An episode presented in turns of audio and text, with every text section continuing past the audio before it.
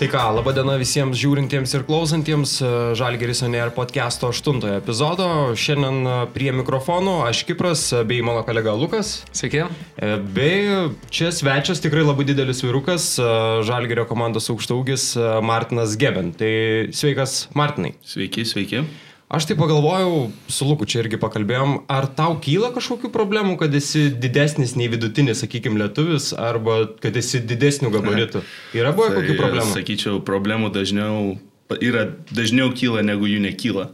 Tai pastoviai durų staktos, drabužiai, batai, Lietuvoje ypač uh, problemų būna tikrai nemažai. Aš įsivaizduoju, kad batus turi siūstis iš Amerikos, ar ne jau Lietuvoje? Jo, Amerikoje batų rinka tikrai didesnė ir, ir yra tiek paklausos, tai tikrai yra iš ko rinktis Lietuvoje sunkiai, sunkiai, bet įmanoma rasti. Kelintas tavo batų dydis? 49,5. Tai, tai pakankamai nemažas. Čia, Martinai, mes pakalbėjom prieš eterį, kad apie tavo pavardę ir apie tavo vardą. Tai mhm. tu gali dabar ir visiems laikams pasakyti, kaip norėtum, kad į tave žmonės kreiptųsi ir kad tai esi Martinas Geben. Jo, tai vis, visokiais galima, visokiom pravardėm kreiptis, išskyrus turbūt Martinas. Marčius, Martis, e, Gebenas, tai girdėjęs visko, amerikiečiai Marty vadina, tai pripratęs beveik prie visko, tai tik Martinu, kad nevadintai, o viskas kita tai pripratęs ir, ir priimu. O šiaip tėvų esi klausęs, kodėl Martinas, o ne Martinas?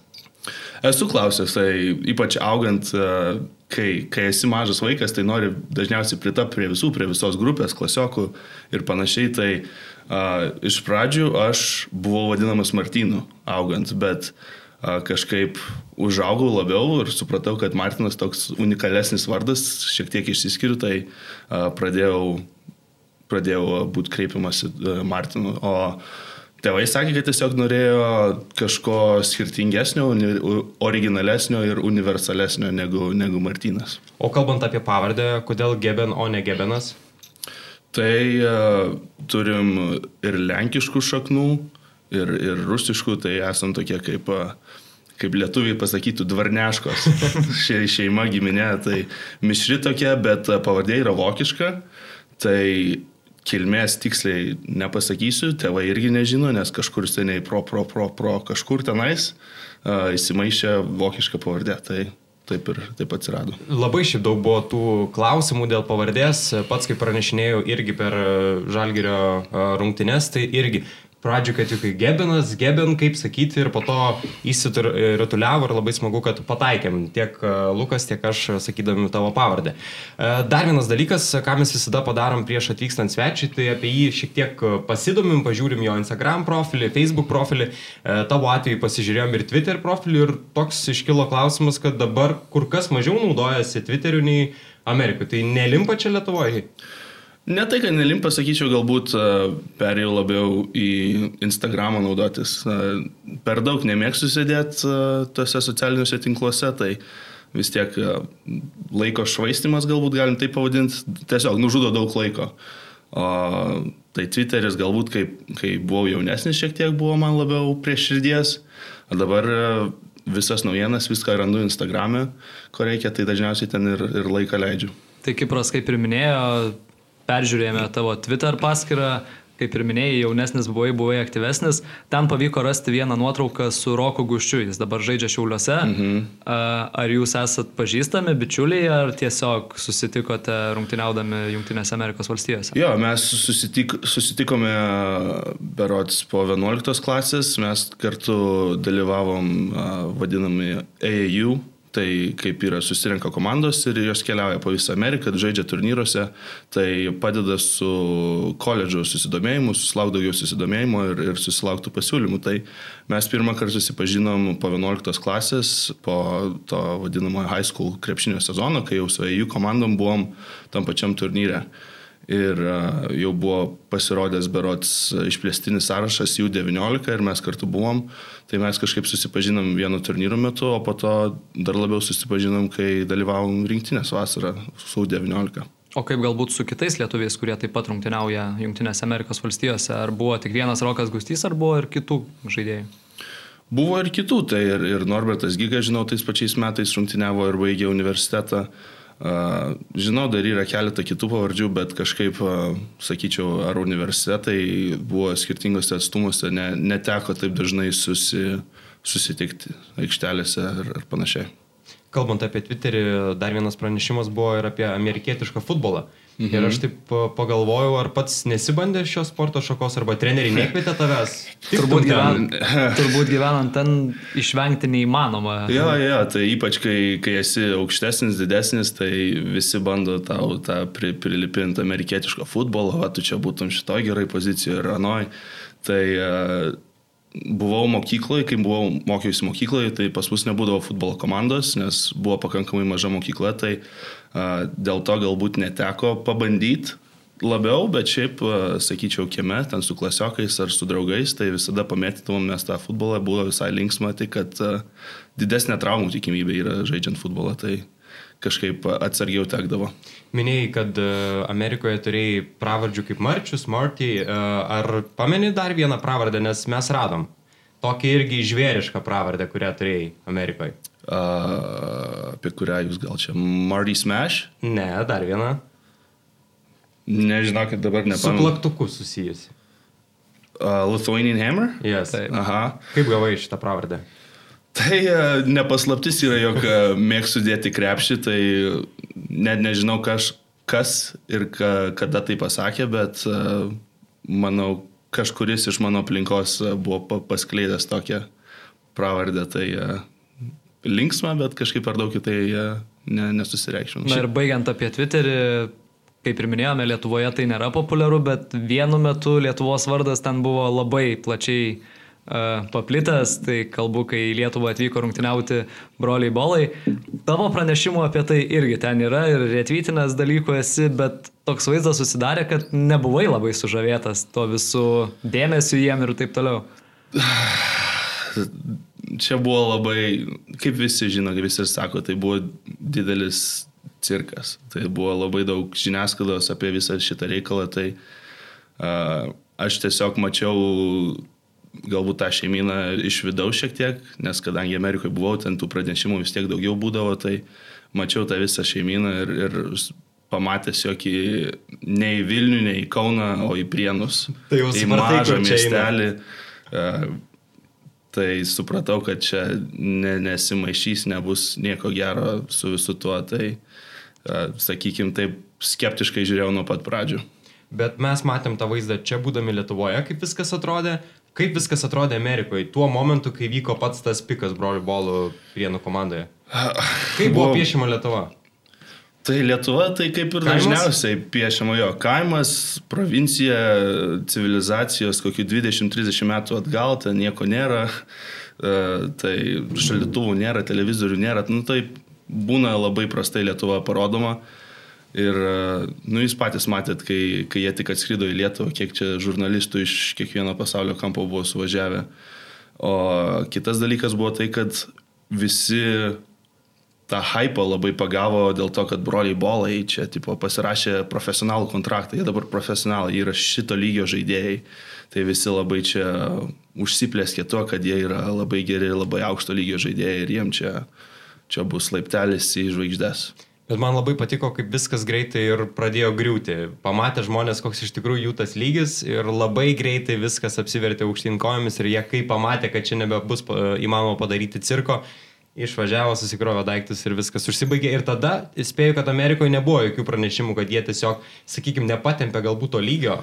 Ne, va tas, tas ir buvo įdomiausia, kad buvo labai mažai objektyvių tokių pranešimų, kad jie tiesiog galbūt nėra to lygio žaidėjo. Buvo taip, kad uh, Lietuva bloga, LKL blogas, treneris blogas, sąlygos prastos, neįmanoma gyventi, tai uh, visai kaip jie buvo teisinami ir išvaduoti iš tos situacijos, jog jie čia atidavė širdį ir viską, bet jiem nebuvo sudarytas sąlygos nei gyventi, nei žaisti, nei tobulėti, nei, uh, nei, nei parodyti savęs.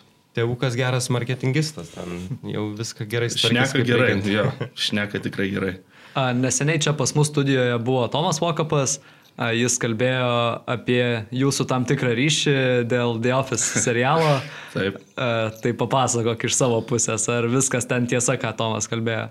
Sakyčiau, ne, nepraeina dienos, kai mes neapsikeičiam bent vieną citatą iš, iš Office. Tai pastoviai randam kažkokių situacijų ar kažkokių kažkokių, nu, būtent situacijų būna, atsiranda dienos metu, kad, vad, laidoj tai ofise irgi tokių pat buvo, arba yra kažkokie žodžiai, kurie apibūdina tobulai citata, ištrauka, tai kiekvieną dieną mes ties to juokaujam ir, ir, ir tikrai linksma ir, ir pagyvina nuotaiką.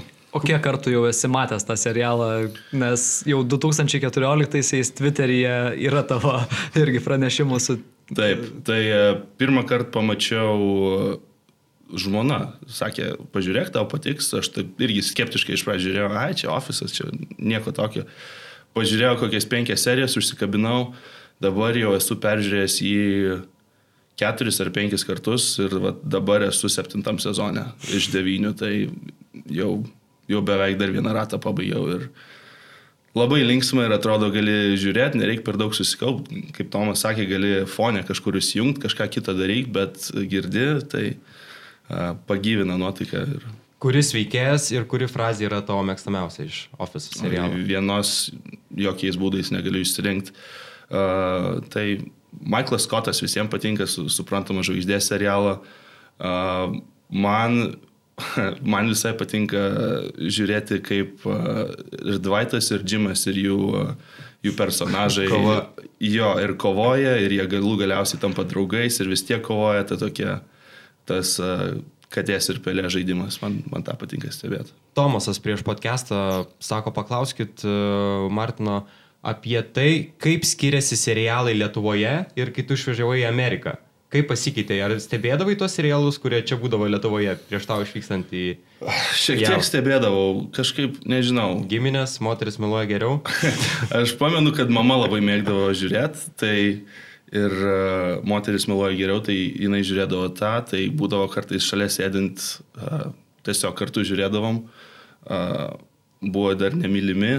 Ir aš buvo, žinau, dabar ten jau ten pasmerkti, nemylimi. Jo, dabar aš jau ten žinau, kad išsirutuliavo į visokius tenais, nebe, nebepakenčiami, nežinau, jo. Bet žiūrėdavau tą labai patikdavo, bet kažkaip, nežinau, Lietuvoje būdavau kažkaip labiau lietuviškus, gal žiūrėdavau, ar, ar ką gaudavom iš Amerikos, nes vis tiek yra tos licenzijos, kad vertimus, kol gaunam iki mūsų ateina ten keliais sezonais vėliau jau. Tai uh, Daktarą Hausą žiūrėdavau, kas dar ten, ne, ne, net nebeprisiminsiu tiksliai visų, bet uh, Amerikoje atvyksti tenais tiek per televiziją, tiek uh, Netflixas yra, tai uh, tie serialai, didelė, didelė serialų kultūra yra. Tai gal pašnekėkime apie tą persikėlimą į Junktinės Amerikos valstijas. E, esi nekartą pasakojęs, kad Steponas Kairys mhm. padėjo ten išvažiuoti, tai apie tą situaciją, kaip viskas susir, susidėliojo ir galbūt buvo variantų likti ir Lietuvoje tuo metu. Um, labai paprastai buvo tiesiog 2011 e, metais iš pradžių, iš pradžių vasario mėnesį, man rodos, nuvykom į tokią kaip peržiūrą mini stovyklėlę vienos dienos prie šventojai, pajūri kažkur buvo, tiksliai nepasakysiu vėl, e, tenais pasirodžiau ir Stepanas Kairys sakė, atvyk vasarą į stovyklą. Tai sulaukiau vasaros, pabaigiau ten savo tą MKL sezoną Vilniuje, e, sulaukiau vasaros, atvykau į stovyklą, stovykloje atsitreniravau, atsportavau Ir e, galų gale susitikom mano tėvai ir Stepanas Kairys ir sako, turiu keletą kontaktų, jeigu jūs norit, galim bandyti kažką iš to toliau vystyti ir, ir, ir žiūrėti, ar pavyktų uh, persikelti į, Junktinės valstijas. Tai uh, jis, sakyčiau, davė tokią pradžią, sujungė su keliais žmonėm, bet jau ten po to uh, kaip ir viskas priklausė nuo manęs ir, ir, ir kaip aš susišnekėsiu su tais žmonėmis. Tai smagu, kad viskas pavyko ir, ir viskas išėjo į naudą. Ar tuo momentu netrodė, kad Lietuvoje likti ir siekti krepšininko karjeros bus paprasčiau? Man asmeniškai ne, nes tuo metu aš nebuvau niekas Lietuvoje, ne, nebuvau žinomas per daug, ne, jokios man, pers, net nebuvau arti tų žmonių, kuriems buvo piešiamos perspektyvos. Tai uh, rodės taip, kad pabaigsiu krepšinio mokyklą ir viskas, bus baigęs krepšinio karjerą. Ar žaisiu mėgėjų lygos ar kažkas tokio. Tai realiai neturėjau nieko ko prarasti išvykdamas į Junktinės valstijas. Tu 16 metų ar 15 išvykai? 16 buvau beveik 17. Tai... 16 metų išvykai į Ameriką ir jautėsi iškart tiek vidurinį mokyklai, tiek universitete prie kebros savas, ar buvo tokių momentų, kad čia lietuvis e, ir panašiai atskirtis kažkokia? Sakyčiau, padėjo tai, kad atvykau į nedidelį miestelį ir nedidelę mokyklą. Tai visa bendruomenė buvo labai artima ir, ir visi labai šiltai priėmė ir bandė padėti kuo, kuo, kuo geriau ir kuo labiau galėjo. Ir e, šeima, kurioje gyvenau, buvo, buvo nuostabus. Priėmė kaip vieną iš savų, patys jau turėjo keturis vaikus, tai uh, priėmė mane penktą, tai iš karto tapau šeimos dalimi ir, ir palaikau nuostabius ryšius su, su jais iki šiol. Tai, sakyčiau, labai daug žmonių norėjo man padėti ir, ir padėjo jaustis uh, jų šeimos dalimi. Tiek mokyklos prasme, tiek krepšinio komandos prasme, tiek šeimos prasme. Šiaip labai įdomu, kiek treniruotės, trenerių filosofija, galbūt žaidėjų mąstysena skiriasi nuo to, ką iki tol buvai matęs Lietuvoje.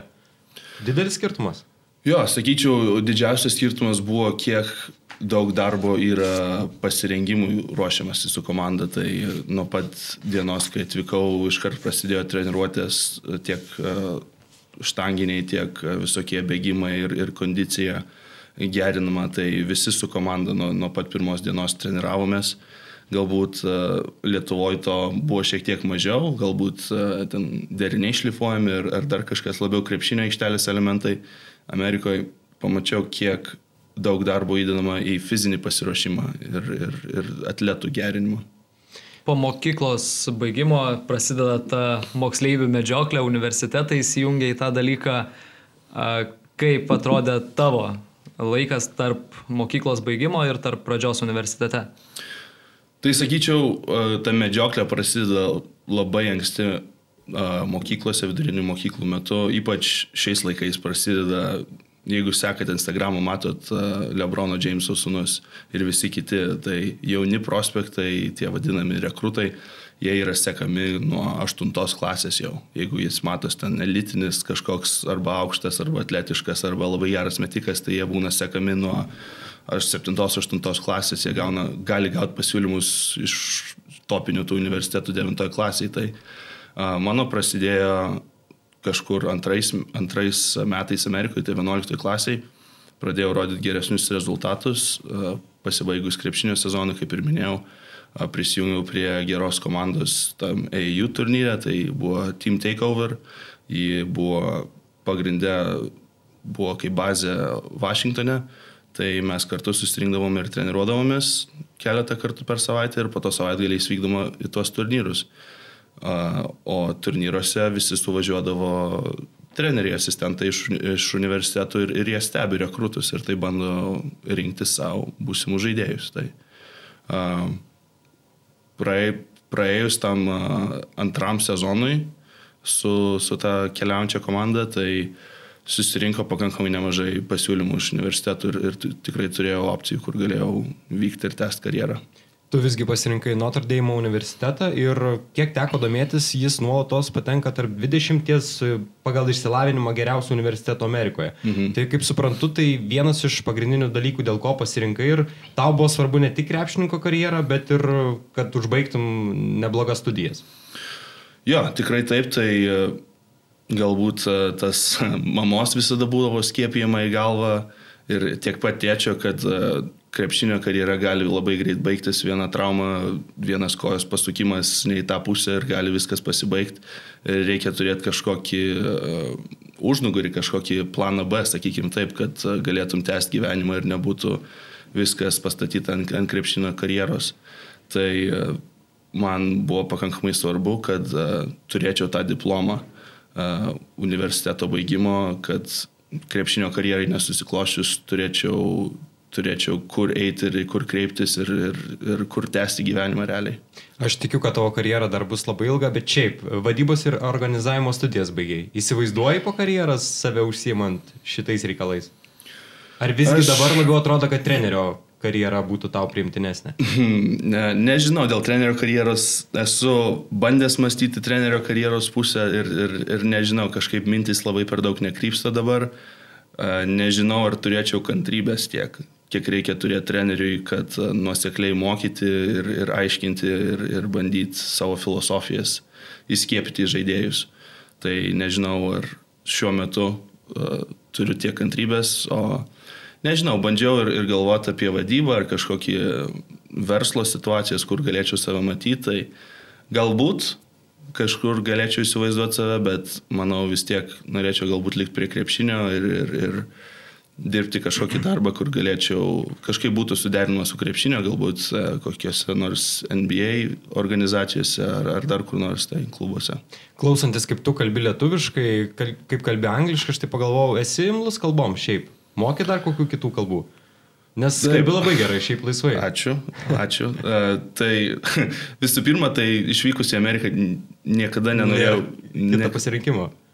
Neišmokti. Taip, taip, nėra kito pasirinkimo išmokti anglų kalbą, bet niekada nenorėjau būti tas lietuvis, kuris grįžta ir pradeda šnekėti su keistu akcentu kažkaip tai taip, vat, tai uh, labai norėjau palaikyti tą, tas lietuviškas šaknis ir, ir nepamiršti tos kalbos, tai padėjo tai, kad su tėvai šnekėdavau vis tiek per uh, Skype ar FaceTime, tai kažkiek pa, padėjo palaikyti tą lietuviškumą.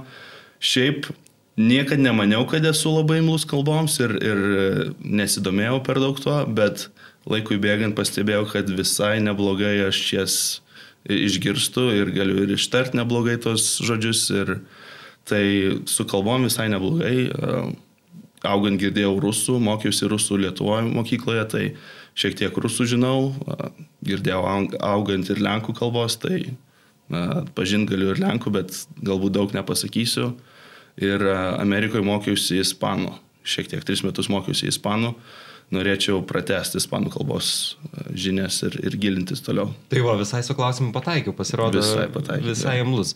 E, kalbant apie tavo universitetą, pirmus tris metus nebuvai ten labai išsiskiriantis ir žaidimo minutės nebuvo labai didelis, bet ketvirtaisiais metais sprogo. Tiek laikas aikštelėje, tiek tavo žaidimas. Aš taip galvoju, ar pajutai tą krepšinio žvaigždės universitete gyvenimą. Kvietė Hebra pabaliavoti kažkur ar pabūti, praleisti laiką kartu.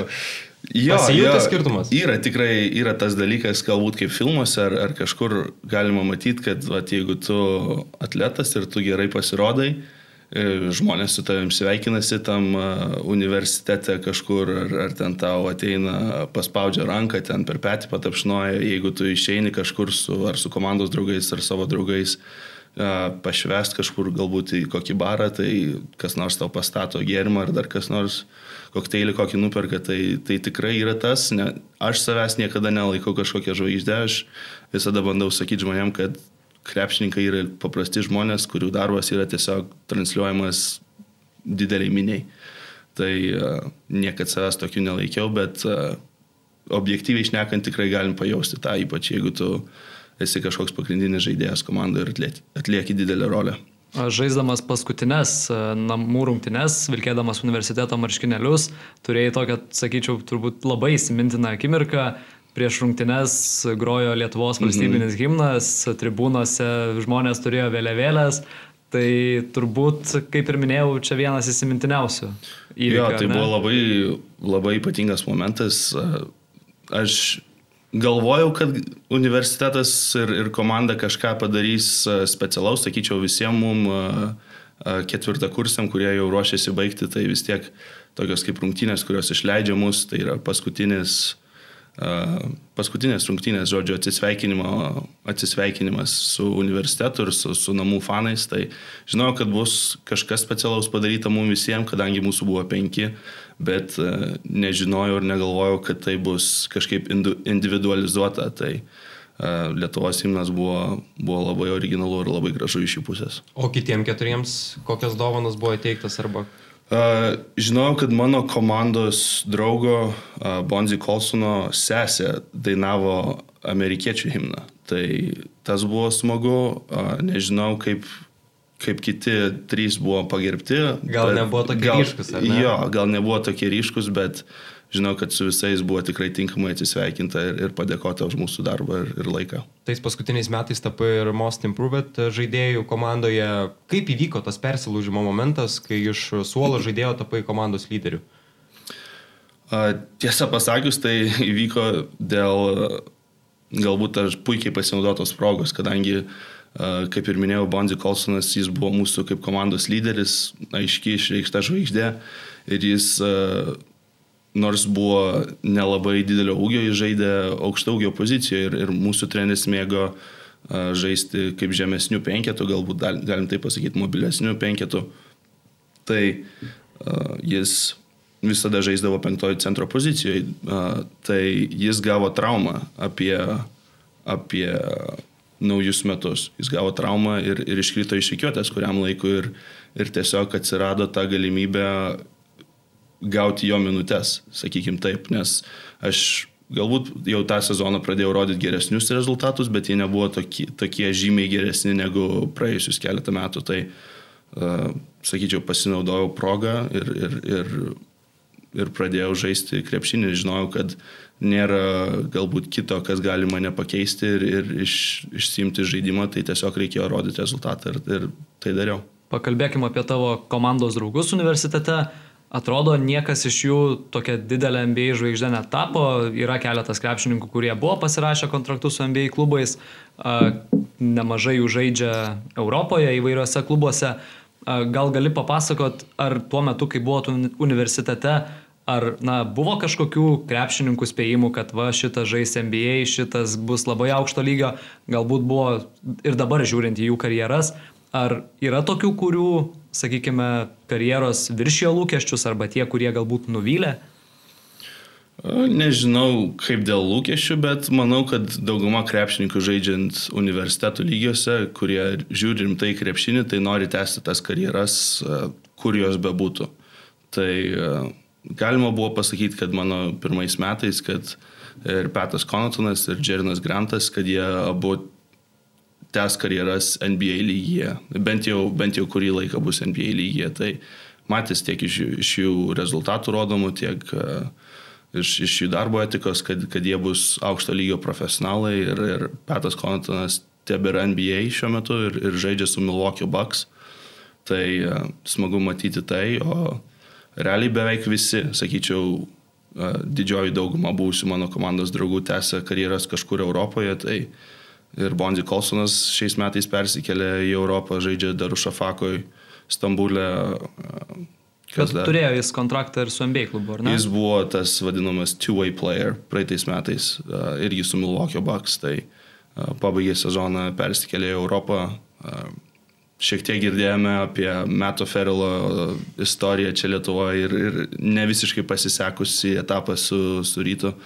Tai jis kol kas Amerikoje, ne, nežinau tiksliai ką jis daro, bet man rodos, jis G lygoje žaidžia. Jis buvo tavo komandos draugas? Jo, ja, mes, aš, Banzi Kolsonas ir Metas Ferelas e, visus keturis metus universitete atsimokėm. Kalbant apie jį, buvo tų visokių keistų, ne, kalbu apie jį, apie jo būdą, apie tai, kad jis nemoka net šlagbaumo pasikelti ir panašiai. Buvo keistas virukas šiaip?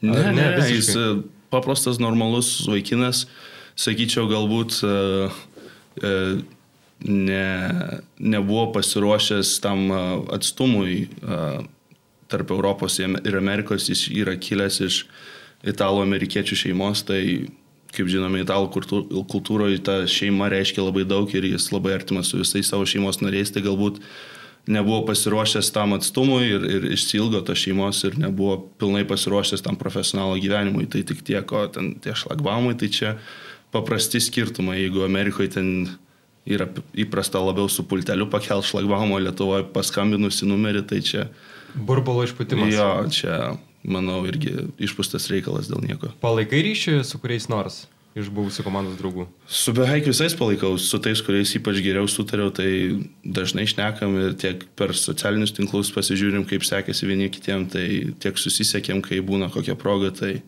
ir Bonzi Kolsonu, ir Metui susisiekėm, ir, ir keletą dabar dar bežaidžiančių universitete žaidėjų palaikau ir stebiu, tai ja, tikrai palaikom ryšius su Užbaigiant temą apie universitetą, pameni su kokiais žaidėjais tekdavo stumdytis, galbūt dabar gerai žinomais? Jo, tai pagrindinis uh, mano treniruočių būdavo pirmais dviem metais buvo Zekas Ogas. Jis dabar uh, Stambulo Galatasaray žaidžia. Uh, tai buvo pagrindinis mano oponentas ir, ir du metus su juo daugiausiai kovodavau baudos aikštelėje. O per rungtynes? prieš kitus universitetų komandas kitų? Oi, buvo labai daug, tai teko porą minučių ir su Džilil Okaforu pasistumdyti pirmais metais. Paskutiniais metais iš Diuko atsimenu Vandelį Carterį ir Marviną Beglį, ką dar ir toks Caleb Swanigan buvo iš Purdue universiteto.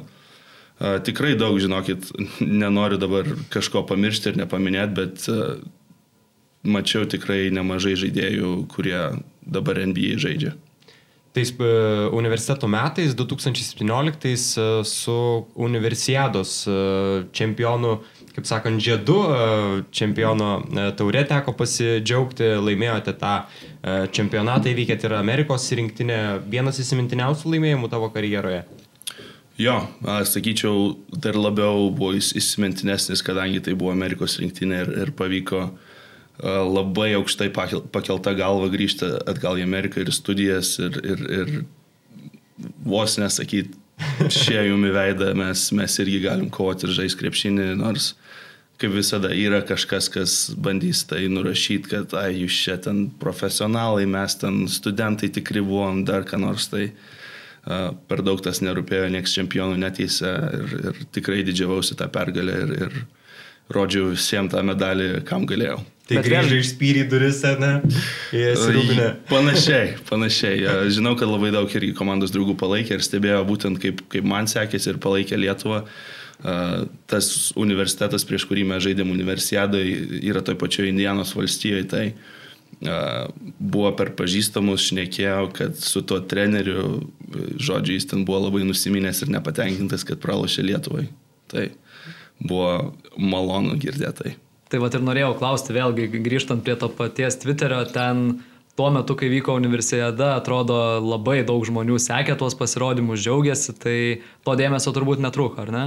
Netruko, yra tų fanų pastoviai kažkaip netrūksta, bet uh, smagiausia, kad iš, iš savo aplinkinių rato yra kas palaiko ir, ir serga už tave, tai uh, šeima jau, jau čia nekalbant, čia visada palaikys. Uh, šilta ar šalta, bet buvo iš universiteto labai daug draugų ir pažįstamų, kurie palaikė ir sveikino, tai tas buvo labai malonu. Laiko veltui nešvaistė ir 2018 metų vasarą su NBA komandų treniruotėse teko dalyvauti. Papasakok apie tą patirtį, kokios tai buvo komandos, su kokiais galbūt žaidėjais teko stumdytis ir kiek davė tos treniruotės tau. Realiai neteko dalyvauti tiek daug, dalyvavau tik su Lakersu treniruotė ir peržiūroj. Tai Nežinau, ar ten buvo kaž... To, to treniruotė, ar buvo kažkoks talentas ypatingas ar labai žinomas, bet pati patirtis buvo labai smagi, tai vis tiek atvyksti į daugia kartinių NBA čempionų būstinę, pamatai, kaip, kaip, kaip jų viskas ten atrodo, tiek jų krepšinio salės, tiek sporto salės. Galų gale būti aikštelėje su legenda, kur Magicu Johnsonu pavyko pasidaryti nuotrauką, tai sakyčiau, ta visa patirtis buvo smagiausia. Tai, kad jau prakalbame apie tą NBA, ar yra ta svajonė pas tave NBA, ar galbūt Eurolyga manai, kad jau yra tai, kas galbūt geriausia? Nemanau, kad kas, bet kas turėtų kažkokią savo lubas susistatyti ar, ar ir limitą, kiek jie aukštai gali kilti. Tai NBA visada būtų labai smagu ir šaunu ir, ir manau, kiekvienas krepšininkas norėtų patekti į aukščiausią lygį. Tai aš esu tikrai tarp jų ir, ir norėčiau, bet uh, sakyčiau, viskas turi vykti palaipsniui, ne, neiššoksi iš, iš LKL į NBA per, per vieną sezoną. Tai uh, šiuo metu esu tiesiog susikaupęs darbui čia ir, ir bandau uh, išmokti viską, ką galiu čia ir, ir, ir tapti geriausių krepšininkų čia nais. Baigiau universitetą ir sulaukiai Žalgerio pasiūlymo. Kaip atrodė ta diena, kai sulaukiai Žalgerio komandos pasiūlymo? Aš šiek tiek žinojau apie tą susidomėjimą keletą mėnesių iki, iki to oficialaus jau pasiūlymo. Tai, per agentą žinojai? Jo, agentai bendrauja ir, ir ir, ir žinojo, kad Žalgiris domisi ir, ir, ir nori palaikyti tos ryšius, tai kažkaip žinojau, kad tas į kažką išsivystys anksčiau ar vėliau, tai tas buvo smagu. O Žalgirio pasiūlymas tai buvo kaip didelis komplimentas, nes retai kada iššokį iš universiteto ir patenki į čempionų gretas, Lietuvos čempionų ar, ar kitų šalių aukščiausius klubus, tai buvo labai didelis komplimentas ir, ir norėjusi užsitarnauti tą vietą ir tuos pinigus čia nais. Ar turėjai kitų komandų pasiūlymų kokių? Sakyčiau, turėjau susidomėjimų, bet kažkokių pasiūlymų ne, nebuvo, bet uh, nemanau, kad būtų buvę reikėję svarstyti kažką kitko, kai Lietuvos čempionai kreipėsi ypač po tokio pasirodymo, kaip jie tik apturėjo finalo ketvirtas Eurolygoje ir, ir čempionų žiedai LKL, tai e, nereikėjo svarstyti ir žiūrėti kažkur kitur, mano manimu. Kaip atrodė visas tas vaizdas grįžus iš Junktinio Amerikos valstijų po nemažo tarpo į Žalgirio areną, į Žalgirio organizaciją, kaip viskas atrodė tavo akimis? Tai vis tiek buvo, kaip iš naujo pakeista aplinka, reikėjo prie, prie visko prisitaikyti, tai gyvenant ir augant Vilniui reikėjo šiek tiek pažinti Kauną, kur viskas yra ir, ir, ir kaip viską susisiekti, kaip viską gauti ir pasiekti. Tai uh, iš, išmokti Kauną reikėjo prisiminti, sakyčiau, tą pastovų galvojimo lietuvių kalbą. Nes kai gyveni aplinkoje, kur lietuviškai nešneka, tai lietuvių kaip į antrą planą būna galvoje nu, nustumiama. Tai reikėjo išmokti vėl galvoti lietuviškai ir, ir, ir gyventi Lietuvoje ir, ir prisiminti, ką tai reiškia ir kaip tai atrodo. Tai galbūt kurį laiką net mąstydavai mintise angliškai, o viską transliuodavai lietuviškai. Aš manau, kad taip mūsų smegenys ir veikia, kad toje aplinkoje, kurioje esi ir tą kalbą, kurią girdi, ir, ir galvoji.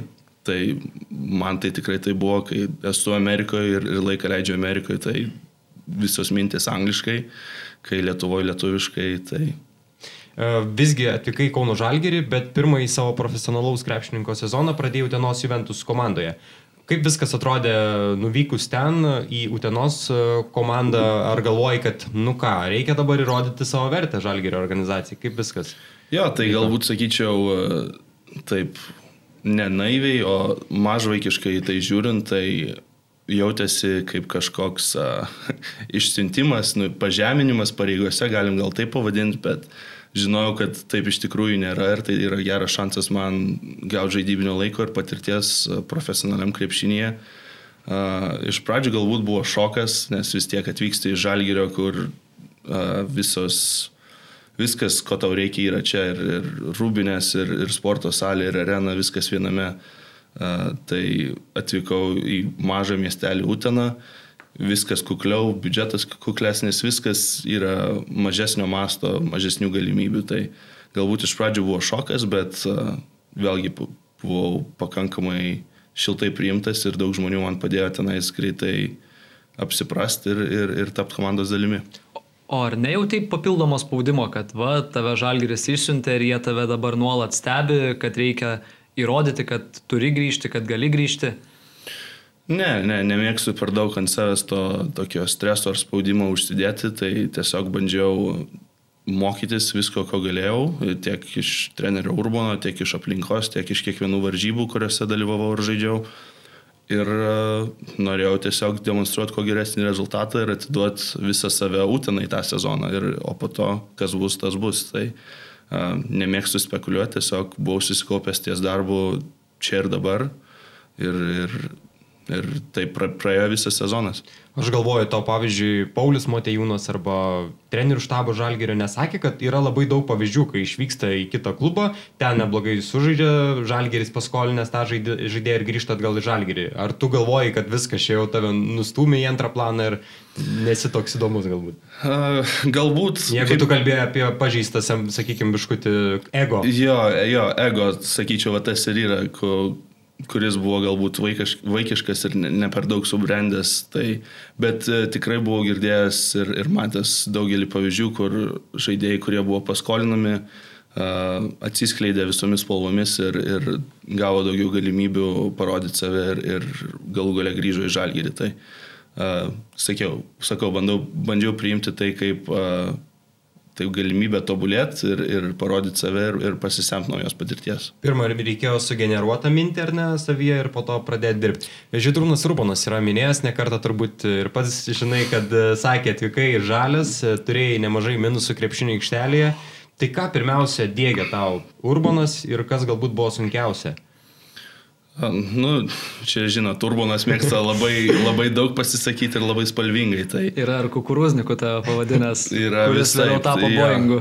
Taip, taip, tai metaforas ir palyginimus jis tikrai mėgsta.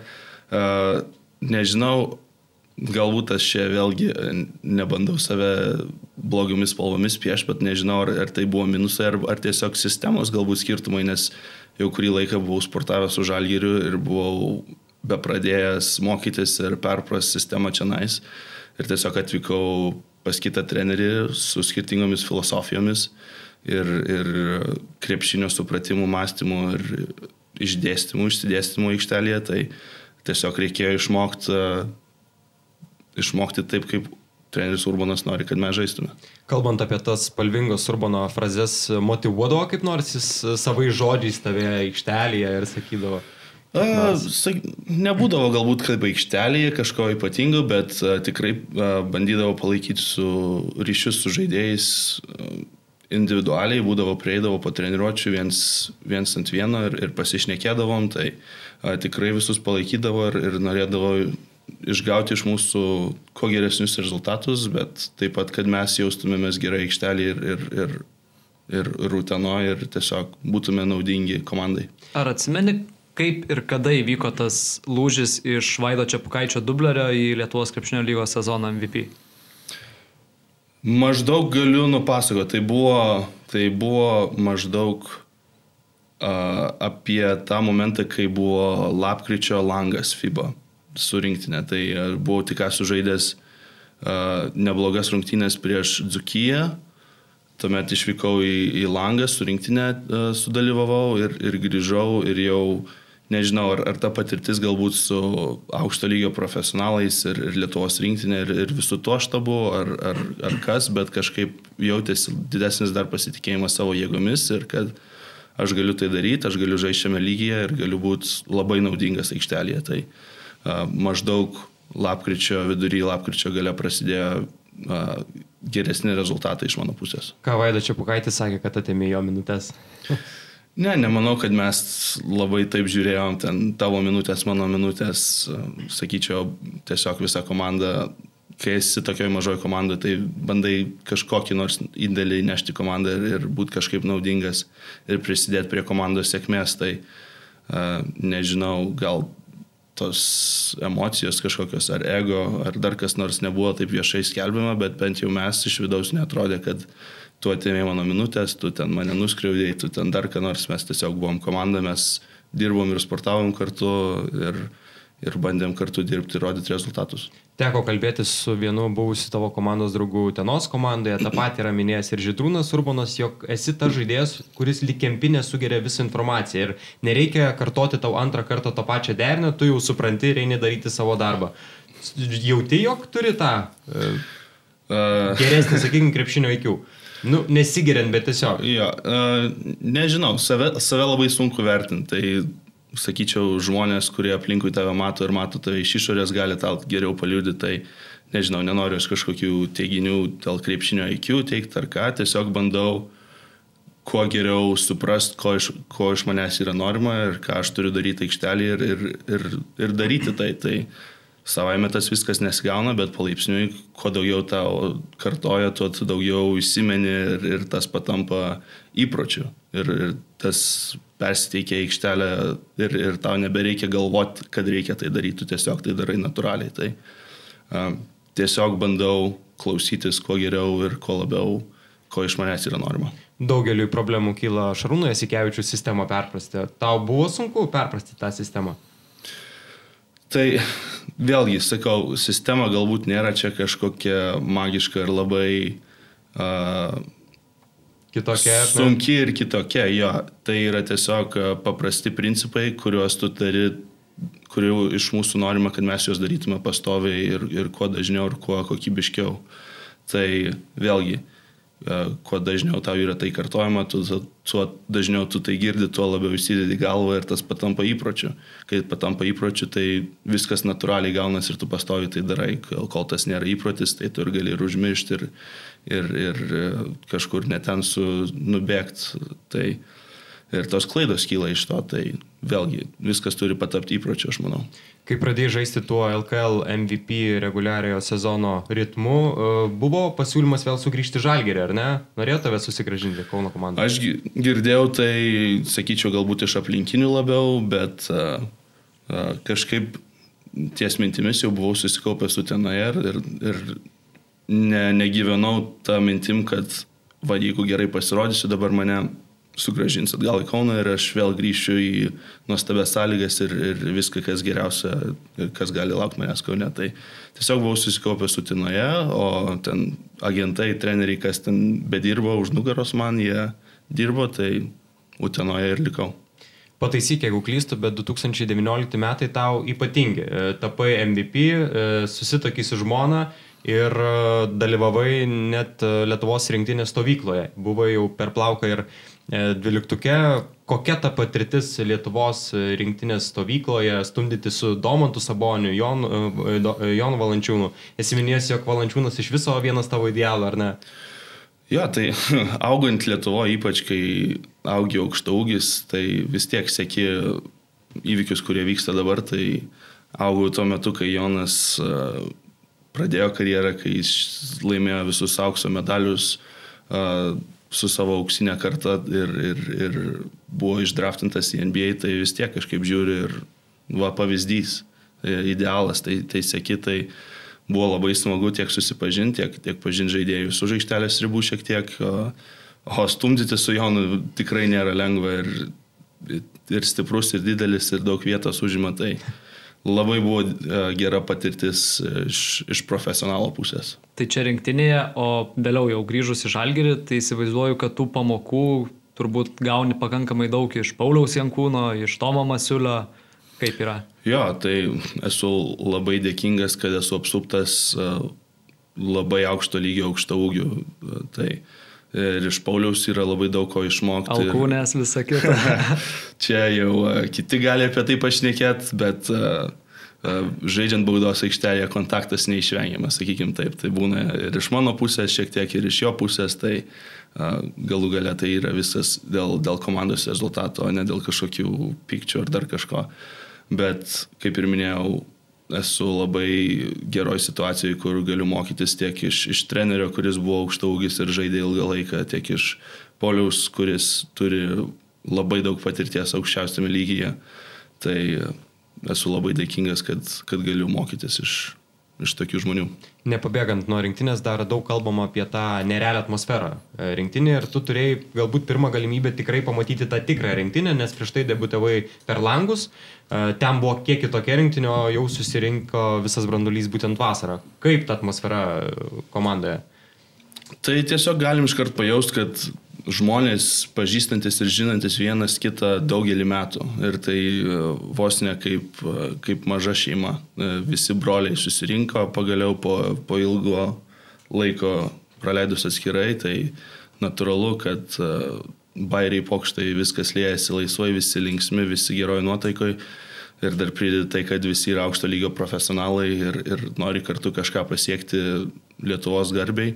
Tai atmosfera nereali, darbas tikrai vyksta ir, ir buvo labai smagu būti ir matyti tai iš vidaus. Užsiminėjai apie tuos visus bairius ir taip toliau, vis tiek ten tas brandolys rinktinės, sakykime, jau iš labai senai visi pažįstami, ar atvykus naujokui nebuvo kažkiek galbūt keista, nejauku, kad galbūt nepagauni tų jų galbūt senesnių bairių iš tai ankstesnių. Natūralu vis tiek, kažkaip uh, naujas, jaunas atvykėlis atrodo, ne, tiek nepažįsti visų gerai, ne, nežinai visko, bet pamažu irgi klausaisi, randi momentų, kai tu gali žodį tart ir, ir, ir kažkaip pasireikšti tame visame, tai uh, po biškiai įsilėjai, tai nevyksta per, per vieną dieną ar per vieną treniruotę, bet pamažu, pamažu uh, tampi to viso dalimi. Pakrikštėjo kaip nors tave, kaip naujoką, ar nėra tokių? Rinktinės paslapčių atskleis negalima. ta rinktinės, ta vasara su rinktinė, prieš tai peržiūros MBA komandoje, dar seniau universiadą ir aš taip galvoju, kad visos vasaros tavo buvo užimtos, darbingos, ėjai po žingsnelį į priekį ir galbūt tai ir užgrūdino tave, kad tu gali dabar žaisti Žalgerio komandoje ir jau šį sezoną tu esi pilnavertis Žalgerio komandos narys.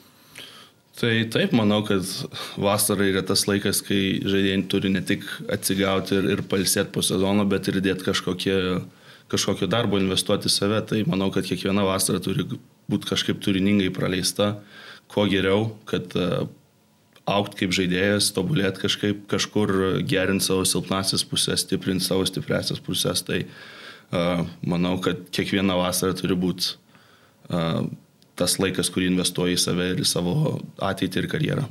Per šį pirmąjį sezoną Žalgerio komandoje jau susidūrys tuo spaudimu, kad čia yra didžiausia Lietuvos komanda, svarbiausia Lietuvos komanda. Ir su to visų spaudimu tiek galbūt iš trenerių štabo, tiek iš sirgalių.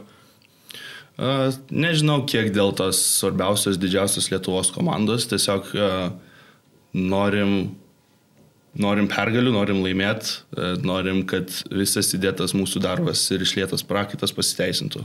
Tai sakykim taip, e, tai natūralu, mes visi esame ambicingi, visi turim kažkokių tikslų, tiek, tiek komanda, tiek e, individualiai, tai natūralu, kad norim laimėti ir, ir, ir tos ambicijos lėjas per kraštus. O ar po tos vasaros rinktinėje, jau kai prisijungiai prie Žalgirio stovyklos, Ar buvai garantuotas savo vieta jau kitam sezonui, ar dar turėjai viską įrodinėti ir tikėjai, kad galbūt net ir vėl gali būti kažkur paskolintas?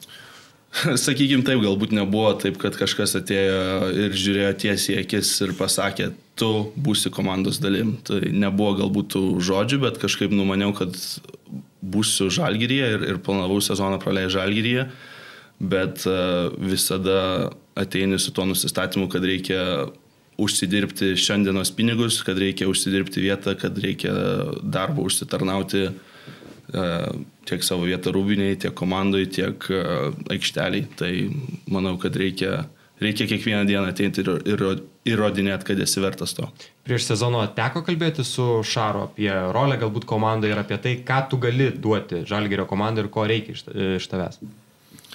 Uh, šiek tiek šnekėjom, tai buvom susitikę prieš išvykstant man į Ameriką sezono gale. Tuo metu Žalgyris dar buvo atkrintamosiose, mūsų sezonas su Juventus buvo pasibaigęs, tai šiek tiek aptarėm vasarą ir, ir kaip tas viskas atrodys. Tai uh, manau, iš manęs nėra reikalaujama kažkokios labai didelės rolės, bet uh, tai vis tiek atsinešti susikaupimą ir, ir energiją kas, kas turi būti kiekvieno žaidėjo, bet uh, vis tiek įdėti kažkokį fiziškumą aikštelėje, kovo dėl kamolių, uh, geros užtvaros, kokybiška gynyba, tai, tai yra kiekvieno žaidėjo rolės pagrindai, sakykime. Kuo darbo specifika su Šaru skiriasi nuo kitų trenerių, kuriuos turėjo į, į anksčiau? Galbūt lyginant su Urbanu tuo pačiu?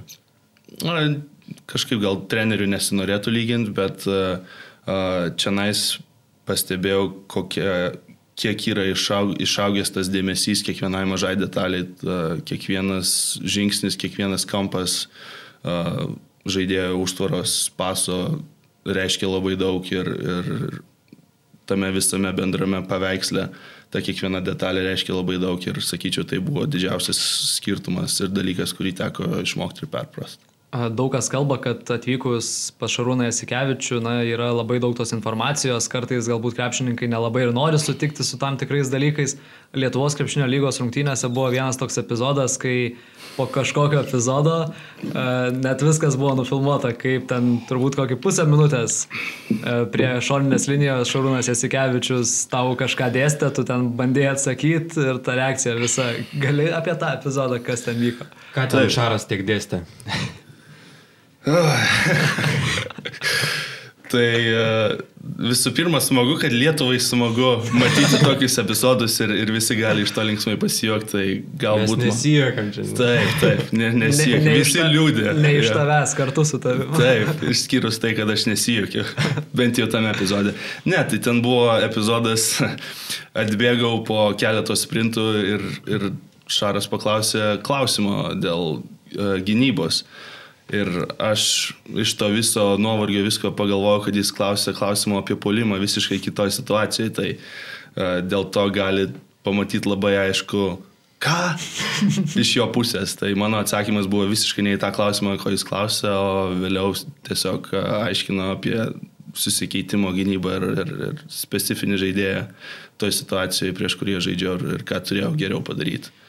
Žvelgiant, pavyzdžiui, tokias situacijas, nebūt, nebūtinai šitą, galbūt ir Amerikoje buvo panašių situacijų, man šiaip labai įdomu, ar būna žaidėjai, kad treneris pradeda varyti va tokią netiradą ir tu tiesiog atsijungi ir, ir viskas. Ar stengiasi vis, tada visada išklausyti vis tiek, kad ir kaip sunku, kad ir kaip nemalonu? Sakyčiau, yra, yra tokių žaidėjų, kurie tiesiog nori tą išsijungti ir, ir, ir nesiklausyti, nes vis tiek tai kaip žmogui nėra psichologiškai malonu, kai tau žiūri tiesiai į akis ir, ir uh, maišo tave su viskuo, ko gali maišyti. Tai, uh, bet, sakyčiau, pakankamai anksti mano karjeroje man buvo pasakyti tokie vos ne kaip auksiniai žodžiai, nes ir jie, ir jie buvo tokie, kad klausykis ką sako tau, o ne kaip tau tai sako. Tai e, visada bandau klausytis ir, ir įsiklausyti žinutę, kas, kas man yra sakoma, ne, ne taip, kaip ta informacija yra pateikiama.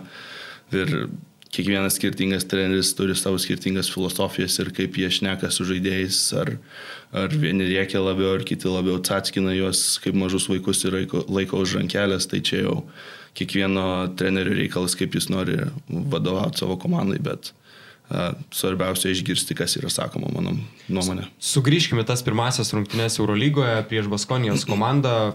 Kas dėjosi širdyje, kas dėjosi galvoje, kai išbėgai čia Žalgerio arenoje, tave pristatė galingai, kokios e, mintis? Turbūt per daug minčių, kad, kad visas net, net įvardintai uh, buvo labai smagu ir įspūdinga išbėgti prieš 15 tūkstančių uh, žiūrovų ir, ir visu, visus girdėti rėkiančius ir skanduojančius žalia baltą, tai širpai ėjo per rodą, tai tiesiog buvo kažkas neįtikėtino, jo labiau pradėti rungtynės ir, ir atsidaryti savo Eurolygos taškų sąskaitą dėjimu, tai buvo, buvo labai smagu ir labai malonu, gaila tik, kad nepavyko iškovoti pergalės. Kalbant apie Eurolygą, labai didelis skirtumas nuo to, ką iki tol buvai matęs NCA, Lietuvos krepšinio lygoje ir Eurolygoje žengiant tą žingsnelį? Uh, labai didelis šuolis tarp LKL ir Eurolygos. Tai kaip ir, kaip ir minėjau, kiekviena detalė varžybose ir treniruotėse ir, ir kiekviena ataka šimtą kartų turi padidintą reikšmę visų varžybų ir bendro rezultato atžvilgių. Tai uh, kuo, kuo toliau žaidžiam ir kuo daugiau varžybų praeinam, tas, tas matos, kaip viena klaida gali nureikšti visą varžybų baigti. Tai, tai lygis labai didelis ir labai skiriasi. A, vis tiek įsivaizduoju, prieš Eurolygos rungtynes ta koncentracija turbūt didesnė nei, nei prieš Lietuvos krepšinio lygos rungtynes. Kaip galbūt save nuteiki rungtynėms, kovai, galbūt kažkokius ritualus turi, kuriuos atlieki prieš rungtynes? Ne, kažko ypatingo per daug neturiu. Galbūt ten turiu mini ritualus, tik kaip ten užsidedu batus, koinės, tai visą nuo dešinės kojos pradedu, o ten kažko daugiau ypatingo neturiu. O kad kuo geriau jaustis varžybom ir, ir jaustis pasiruošusiam, tai, tai reikia, sakyčiau, man asmeniškai bent jau išsistudijuoti mūsų scoutingą, prieš kokius varžovus žaidžiam, tiesioginius oponentus, ką jie daro. Tai, kuo geriau žinau tą informaciją ir, ir pažįstu tą, tuo užtikrinčiau jaučiuosi aikštelėje ir, ir, ir žinom, ką reikia daryti prieš varžovą, kad būti sėkmingais. Tai kurių dabar varžovų Eurolyga laukia mažiausiai, kurių oponentų tiesioginių tavo, prieš kuriuos nesmagiausia žaisti? Vat kaip tik dabar žaisim prieš uh, Belgrado komanda, tai pas juos yra toks veikėjas po krepšiu Michaelas Odžio. Nežinau, ar matėt, kai jis čia buvo arenui, bet uh, toks, Matėm, matėm. aš ne, nemažas vyras, bet jis už mane atrodo dvigubai didesnis ir dvigubai daugiau jėgos. Tai vad prieš jį labai nėra lengva žaisti, uh, bet įvairių krepšininkų yra, yra tai visi yra vienodai sudėtingi ir geri, geri varžovai. Aš labai pamenu, kai mes žiūrėjom Belgrados komandos rungtynės su kolega ir sakau, kiek šis virukas sveria, ta prasme pasižiūrėk ir visi ten mačiau pradėjo jau žiūrėti, kiek, nes, mm. nu, monstriško sudėjimo. Jo, tai prieš tokį... Tikrai nėra lengva. Jis, jei daug, būtų įdomu pažiūrėti valančiūną prieš jį besistumdant. Sofoklis kuris... Horcinidį iš, iš tos pačios serijos irgi. Bet Sofoklis nebuvo toks aukštas. Jis, Michaelas Odžio. Čia tavo žodžiai, čia ne mano, aš. Neprisidedi prie šito. Taip, ne? aš netoleruoju tokių, bet uh, Michaelas Odžio ir, ir visa galva didesnis ir, ir atrodo gali tave tiesiog paimti kaip uh, degtuką perlaužti, toks, toks jausmas šalia jo bestovint, bet uh, įspūdingo dydžio žaidėjas. Gerai, galim perėti prie blitz klausimų. Dabar visiškai gali atsipalaiduoti ir šauti, kas tik šauna į galvą. Pirmas klausimas. Prieš kurį žalgerio komandos asmenį, galbūt treneriai, žaidėjai labiausiai nenorėtų, nenorėtum laužti rankom? Hmm, kas čia toks pas mus stiprus? Uh, Ja. Man žinai, kas šauna į galvą iš karto Robertas Jeftokas. Ai, va, nepagalvoju apie Robį. Jo, jo, prieš jį, manau, būtų sudėtinga. Jo, atrodo tvirto sudėjimo ir ilga ranka, tai Kaip dėl kontrakto, ne paspausti ranką. dėl kontrakto lengviau ranką paspausti. Ypač jeigu sąlygos geros. Na. A, kitas klausimas, jeigu reikėtų tave prajuokinti, kuris žalgyrėtis tai sugebėtų padaryti geriausiai? A, tai sakyčiau, Tomasas pirmoje vietoje, a, a, su Milu pakankamai a, pasijokėm nemažai, tai a, visi, visi mes turim šiokį tokį humoro jausmą komandoje. Tai Kuri žalgerėtis yra tas, kuris, sakykime, po galbūt prastų rungtynių arba po šaro kažkokios tirados e, paima ir nugesina viską vienu bairiu ir atsigauna galbūt spalva komandoje? Uh, sakyčiau visi, bet uh, ir Jankis, ir, ir, ir Milas. Veteranai įmose, ne? To. Veteranai jo bando atstatyti tą emocinį balansą, kad ne, nebūtume per daug nuliūdę ir, ir, ir sus, susigniuždę iš vidaus. E, Jeigu per naktį vienas pats būtum uždarytas Akropolėje ir galėtum daryti, ką nori, ką darytum? Eičiau mėgoti, mes krepšininkai, mums reikia polisio. O Jezu, kaip nuobodžiai. ne, nežinau, uh, tai bet tai jeigu per naktį tai Akropolis uždarytas, tai... Ne, nu sakykime, Turi raktus, viską. Jo, raktus viską turi ir nebus jokių pasiekmių. Ką tu padarysi? ten? Žinokit, net neįsivaizduoju. Nesigalvosi apie tokį scenarijų? Ne, ne, ne, nesvarstau tokių scenarijų gyvenime. Tai. A, kada apturėjai geriausią vakarėlį gyvenime? Sakyčiau, paskutiniais metais universitete 23 gimtadienis atšvestas buvo labai, labai smagiai. Kiek dienų? Vieną, dvi, trys? Ne, ne, Amerikoje nėra tokios... Uh, Čia ne pas mus, ar ne, kur sodybą pasiėmė ir- Būtent, būtent. Antrą dieną pirtelė. Ja, būtent, nėra, nėra tokios galbūt šventimo kultūros, ypač keletos dienų, bet uh, ta, ta visa diena, visas vakaras buvo labai linksmai praleistas. Paminėjai 23 gimtadienį, dabar va, kilo toks klausimas, žaidė 23 numeriu. Kodėl tas numeris? Ah, Tai Lietuvoje, kai baigiau, kar... nebaigiau karjerą, tiesiog paskutiniais metais prieš išvykstant žaidžiau 22 numeriu, atvykus į Ameriką irgi norėjau 22 žaisti, bet a, gavus, kad 22 numeris mokyklai buvo užimtas, tai kažkaip pagalvojau, kad 23 lyg ir gerai atrodo ir tas papildomas naujas vienas žingsnis mano gyvenime, tai 23 numeris ir, ir, ir prilipo. Jeigu vieną dieną galėtum įsikūnyti bet kurį pasaulio žmogų, kas jis būtų? Būtų, sakyčiau, įdomu pamatyti, kaip Lebronas gyvena.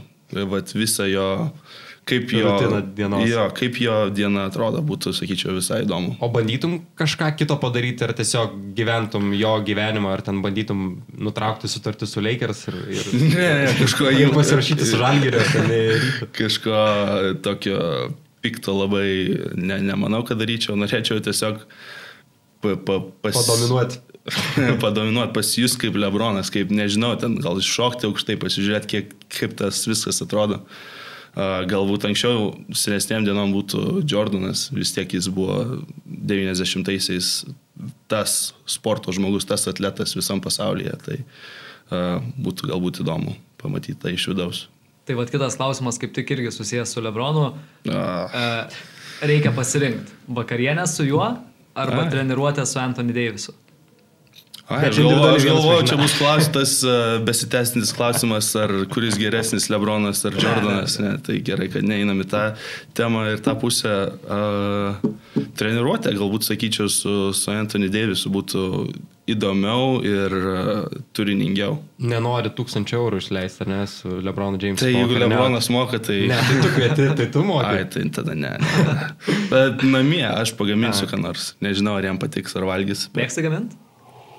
pakankamai A, patinka gaminti, kai, kai yra to laiko, tai a, patinka, ką nors tokio skanesnio išsikepti, pasidaryti. Turi firminį savo patiekalą. Kuo Firminį- Lebroną sužavėtum? Ko Lebroną su- sužavėčiau, tai nemanau, nes manau, kad jis keliavęs ir buvęs visur ir valgęs visko ko geriausio, tai sužavėti jį nebent gal cepelinais galima būtų, ko aš dar ne, neperpratau. Bet šiaip sakyčiau, gal steiką neblogą galiu iškepti. Tai toks vienas dalykas, ką išsiskiriu kuom virtuviai. E, su kuriuo žalgyriečiu sužaistum krepšinį iki 11 taškų ir ant stalo padėta 10 tūkstančių eurų. Kas laimi, tas pasiema. Bet tai čia toks klausimas labai suktas, nes nu, pasirink, pasirinksi jaunėlį, tai sakys, tu tiesiog čia nori pinigų. Ne, bet tai gerai. Rokas Jakubaitis ant greičio, ant rajako. O tai o ar žaidžiam per visą aikštelę? Ar Ne, pusę per pusę. Nu tai e, jeigu Nu, o. trajekas jam neina, tai... Nu jam kaip du trajakas. O man trajekas kaip Irgi du. trys? ne, ne. Nu tai Ne. ką, rinktumys. Nu, vat su roku, vat pasiūlyi su roku sumešiau. Gerai. A, Grįžk, toks klausimas, jeigu reiktų grįžti ir rinktis dabar universitetą, ar vėl rinktumės tą patį, ar svarstytum galbūt kitą variantą? Manau, kad labai lengva pastoviai kažkaip galvoti ir sugrįžti, kas būtų, jeigu būtų, bet e, labai esu patenkintas taip, kai viskas susiklosti universitete ir manau, pasirinkimas išliktų tas pats. E, Jeigu turėtum būti sportininkas, bet ne krepšinis, kokią sporto šaką pasirinktum? Manau, kad žaisčiau tinklinį. Tinklinį? Mhm, aš e, būdavo vasaromis, ypač kai Lietuvoje laiką leisdavau, su, su tėčiu dažnai vykdavom žaisti tinklinį, tai tinklinis visai patinka, e, būtų, būtų mano antras pasirinkimas. A, Padavimai stiprioji vieta ar žaidimas prie tinklo? Tai, tai jūs, jau čia jūs, man rodos, galite susiprasti dėl, dėl ūgio ir gabaritų. A, Ir tada paskutinis blitz klausimas. A, Šią tinklalaidą filmuojam sausio 13 dieną, tai visiems lietuviam aktuali data. Tai toks klausimas, jeigu reikėtų, su kuriuo žalgyriečiu eitum ginti televizijos bokštą? Su visais lietuviais. Nu taip, nu, sakyčiau, visi mes suprantam, kokie mes esam nedidelė šalis visame pasaulyje, bet kaip mums nepriklausomybė reiškia daug ir, ir sakyčiau, visi mūsų lietuviai, galbūt senesnės kartos, ypač jaučia tą atsakomybę ir patriotiškumą, kad reiktų ginti, jeigu, jeigu prispirtų, prispirtų toks dalykas priešas. Gerai, perinam prie žiūrovų klausimų ir kaip ir minėjom, tau reikės pasirašyti ant, ant kamoliuko, tam žmogui, kuris laimės, turės išrinkti geriausią klausimą. Geriausią. Tai pradedam. Nerijus Kundrotas klausia, ar yra skirtumas tarp krepšinio kamolių? Spalding, Molten, Bilson, su kurio pačiam maloniausia žaisti? Geras klausimas labai. E, Šiaip man yra skirtumas, nežinau. Eurolygos kamuoliai man bent jau asmeniškai atrodo, jie šiek tiek uh, slidesni. Uh, kažkaip uh, Europoje buvau pratę žaisti su Moltonais. Uh, Amerikoje visai Wilsonai patiko, bet uh, man Moltonas yra geriausias kamuolys. A, Žalgirinės klausia, tai kuris griežtesnis - Urbanas ar Jasikevičius? Čia žalgyrinis, manau, turėtų žinoti šitą, šitą atsakymą. Tai, Čia, man atrodo, fake žalgerinis, ne tas, kuris... ja, po- čia, Tikėtina. čia kažkoks kitas. E, Tai atsakymo nebus? Atsakymas turėtų būti savaime aiškus. Gerai, e, King Auris klausė, kodėl pasirinkai 23 Tai numerį, apie tai kalbėjom. E, Nerijus, e, Nerijus 92. Norėtum kada nors žaisti NBA į taip kokioje komandoje? Nu, galėtum įsirinkti vieną. Uh, nežinau, rinkčiausi vienas, au, kai augau, buvau didelis Lakersų fanas. Tai O uh, dabar nebe? dabar vis dar, vis dar palaikau tą, kad, kad seku juos ir vienintelė galbūt komanda, kurios uh, jų tą Instagramo paskyrą seku ir žiūriu, kaip, kaip jiems sekasi. Uh, o nežinau, kažkur galbūt nebūčiau toks išrankus, jeigu jau ateitų pasiūlymas iš NBA, tai galbūt rimčiau bet kurį realiai. Nes dabar, žinai, prisikalbėsi po to Būtent. skautai žiūrės, sakys, Jo, yeah, kažkas iš pas mumis čia, jis nori būtent, tik visi nu, tai kam, bū- kam man jums siūlyt? Miglė Davidačiūtė klausia, trys krepšininkai, prieš kuriuos buvo sunkiausia ginti. Tai vieną jau prieš tai vardai. Valančiūnas, Sabonis, Domantas, ką dar čia sugalvojus. Tai Zvezdos milžina. Ar ne, prieš jį nebuvo sunku gintis. Nu, kaip, sunku. Pulti bet... prieš jį sunku. jo, judėti prieš jį sunku. Uh, ne, bandau sugalvot.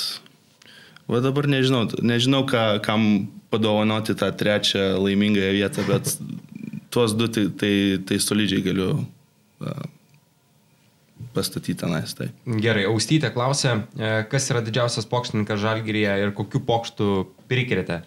Tau yra kokių prikrėtę pokštų tokių, kad sporbatį vienas su kitu surišo ar panašiai? Ne, nebuvo tekę su to susidurt. Sakyčiau, kaip ir, kaip ir minėjau, visi turi šiokį tokį humoro jausmą ir randam savo momentų, kur pasireikšti ir, ir, ir paprikolinti, taip, taip sakant. Tai uh, nežinau, ar yra vienas, kuris čia toks rūbinės klaunas, kurį galim labai išskirti aukščiau visų. Aš taip galvoju, Marius Girgonis, man atrodo, buvo irgi man tai kurortė, kai čia buvo vyrukai, man tas Katleris, man tas Tonkus, man tas Bartuševičius. Nebuvo taip, kad grįžta po tokių ir pradeda šaudyti jų ten bairis ir panašiai. Ne, ne, ne, ne, sakyčiau, visi mūsų prikolai ir, ir juokeliai tai originalūs ir kyla iš mūsų situacijų, nėra taip, kad mes ten kažkino per daug, kažką per daug cituojam ar, ar, ar pritaikom savo, tai originalus esam kuriejai. Mantas 83 klausė, jeigu reikėtų pasirinkti vieną dainą, kuri tave įprasmintų, tave apibūdintų, kokia daina tai būtų?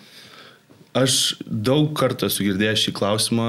Rimtai daug kartų? Ne, ne būtent savo, bet bendrai tokį. Kaip, kaip kokią dainą pasirinktum apipra, nu, apibūdinant save. Uh, Ir aš, nieka, aš neturiu vienos tokios dainos, nes aš negaliu pasakyti, kad aš esu kažkokio vienos, vieno stiliaus mėgėjas ar, ar ten vieną grupę per daug, daugiau sekau. Tiesiog nėra tokios dainos, nežinau. Nu, bet tarkim, da, galbūt dabar turi kažkokią klausomiausią dainą, kuris... Bet nėra vienos dainos. Vėlgi būna ten vieną dieną vieną dainą, kitą dieną kitą. Šiandien nėra dainos. Šiandien neklausiau muzikos per daug. Tai. Uh, o prieš rungtynės, pavyzdžiui, arba treniruotės, turi ten muziką, kuri tave užveda? Repas, trepas, uh, Lanovas sakė lietuvišką muziką.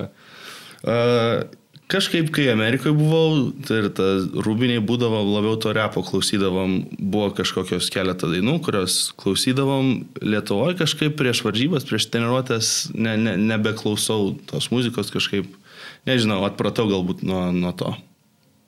Ir paskutinis klausimas, ai ne, dar, dar man tas 578 klausia geriausias žaidėjas, su kuriuo yra tekę žaisti. Uh, roll sukti su kuo smagiausia universitete labai patiko žaisti su Metu Ferrell. Tai jis tikrai tiek mane gerai surasdavo, tiek pats būdavo agresyvus ir, ir pelnydavo daug taškų. Uh, tai sakyčiau, jis uh, su Dovi labai buvo linksma žaisti tiek universiadoje, tiek Utenoj. Tai uh, tokie, uh, tokie mano labai buvo įsimintini tikrai žaidėjai. O šiaip pats jauti, jog esi nemažai priklausomas nuo žaidėjo? Tai aš sakau, manau, kad e, kiekviena komanda yra labai priklausoma nuo žaidėjų arba bent jau nuo žaidimą kūrenčių gynėjų. Tai e, jo, sakyčiau, mano pozicija vos ne viena labiausiai priklausoma nuo, nuo kokybiško gynėjų darbo. Nu ir užbaig lukai. Na ir tas paskutinis klausimas visada jaunas klausė. Trys pliusai ir trys minusai būnant krepšininku. Gali lenkti pirštus ir skaičiuoti. Aha, nes mes dar ne krepšininkai, supratau. Reikia pirštai skaičiuoti. Aha. Gerai, aš lenksiu, bet žinai. Uh, taip. Uh, pliusai. Tai čia ne, ne jokia eiliškumo tvarka. Ne, čia. gerai. Tai, sakyčiau, atlyginimas už mūsų profesiją yra pakankamai nemažas. Vienas. Vienas. Uh, nežinau, ne, neįvardinčiau uh, kažkokia vieša šlovė ar garbė, kad būtų man pliusas bent jau, bet žinau, kad kažkam tai yra ir kažkam... Dėmesys. Dėmesys, jo, ta, uh, jo, tai galim šitą įvardinti. Bet šiaip iš kitos pusės dėmesys gali būti ir minusas. Kai jis yra per didelis arba varginantis, sakykime. Uh... Jo, aš vat labiau priskirčiau dėmesį prie minusų. Tai vienas vienas. Uh, sakyčiau, krepšininko tas, kad esi komandos dalimi, dalis ir, ir, ir gali kažko siekti su komanda ir, ir būti kažkokio bendros grupės dalimi. Tai sakyčiau, man tai būtų pliusas. Uh, Nežinau, a, krepšinis, su krepšiniu pavyksta daug pakeliauti po pasaulį ir, ir pamatyti pasaulio vietų, tai būtų mano trečias Pliusas. pliusas. Nu, ir Dar du dviejų minusų. Dar dviejų minusų. Tai dažniausiai e, darbo grafikas yra užtrunka laiko arba yra keistomis valandomis. Tai toks neįprastas, sakyčiau, darbo grafikas. Ir tai, kad ne kiti žmonės nuo pirmadienio iki penktadienio padirbo, tu šeštadienį, sekmadienį, kaip ir atrodo, kiti turi laiko, bet tu neturi laiko. Būtent kartais nu, mes vis tiek keliaujam iš Eurolygos varžybų, tai būna, kad grįžtam antrą valandą nakties, kai žmonės jau keletą valandų saldžiai miega. Tai sakyčiau, galbūt tiesiog neįprastas darbo grafikas. Nu, ir trečia. A, kas čia dar? Čia toks pusiau. Pliusas, ai, a, paprasta, nes nelabai yra laiko šventę švest a, su šeimas, tai, tai įtemptas darbo grafikas 10 mėnesių. Tai Aš dar vieną pagalvojau, ketvirtą traumas galėtų būti, ar ne, vienas iš tų. Tai rizika yra, ne kiekvienas gauna traumas, tai ne kiekvienas, tai su tuo turi, turi gyventi ir, ir tvarkytis. Tai jo, sakyčiau, tikrai vienas iš minusų, bet retai kada tos darbo traumos, sakykime, turi labai, labai prastų pasiekmių. Gerai, Marčiau, išrink dabar labiausiai patikusi klausimą, gali, nežinau, pasižiūrėti, išsirinkti, ar tu atsimeni, kuris tau. Tai patiko ir paskutinis klausimas buvo labai smagus ir, ir pats pirmas dėl kamolių. Aš galvoju, kad atiduodam paskutiniam, nes Nerijus Kundratas jau yra laimėjęs pas mus. Tai, Ai, taip. tai tada paskutiniam visada jaunas laimi. Tai tu pasirašyk tada ant kamoliuko, jis laimi marškinėlius ir kamoliuką, o mes priminam, kad e, prizą įsteigė oficiali Kauno Žalgerio atributikos parduotuvė Žalgeri Shop, kurioje galite apsipirkti jums patogiu metu ir elektroninėje erdvėje adresu žalgerishop.lt. O į priekybą sugrįžta laisvalokio ir sportinės kuprinės bei naujo dizaino pilki marškinėliai su žalgerio skydu. Šiaip galvoju, kuri tavo pranga yra mėgstamiausia, kalbant apie žalgerio atributiką, ką tu dėvi dažniausiai? Turi savo favoritą? Uh, sakyčiau, visai mėgstu šį žalę bluzoną, džemperį, nežinau, kurį čia lietuvišką žodį reikia vartoti dabar. Uh, šis žalės patinka vis tiek su komanda, kai keliaujam, kartais dėvim uh, pilkus mūsų treningus, tai uh, Maikės patinka visai tai. O patinka tas dalykas, kad dabar reikia keliauti su komanda, smert casual, casual aprangą ir panašiai. Patinka tau tokie dalykai? Aš sakyčiau, kad Ar labiau treningiukai? Tai treningiukai savame aišku, kad patogiau. Tai daug, daug labiau atsipalaidavęs gali būti, bet sakyčiau, kad visai einant pro oro uostą atrodom visai solidžiai, tai tas bendras vaizdas patinka. Tai prakalbėjom beveik pusantros valandos, kaip tau pačiam pirmasis podcastas šiaip. Pirmasis turbūt filmuotas podcastas.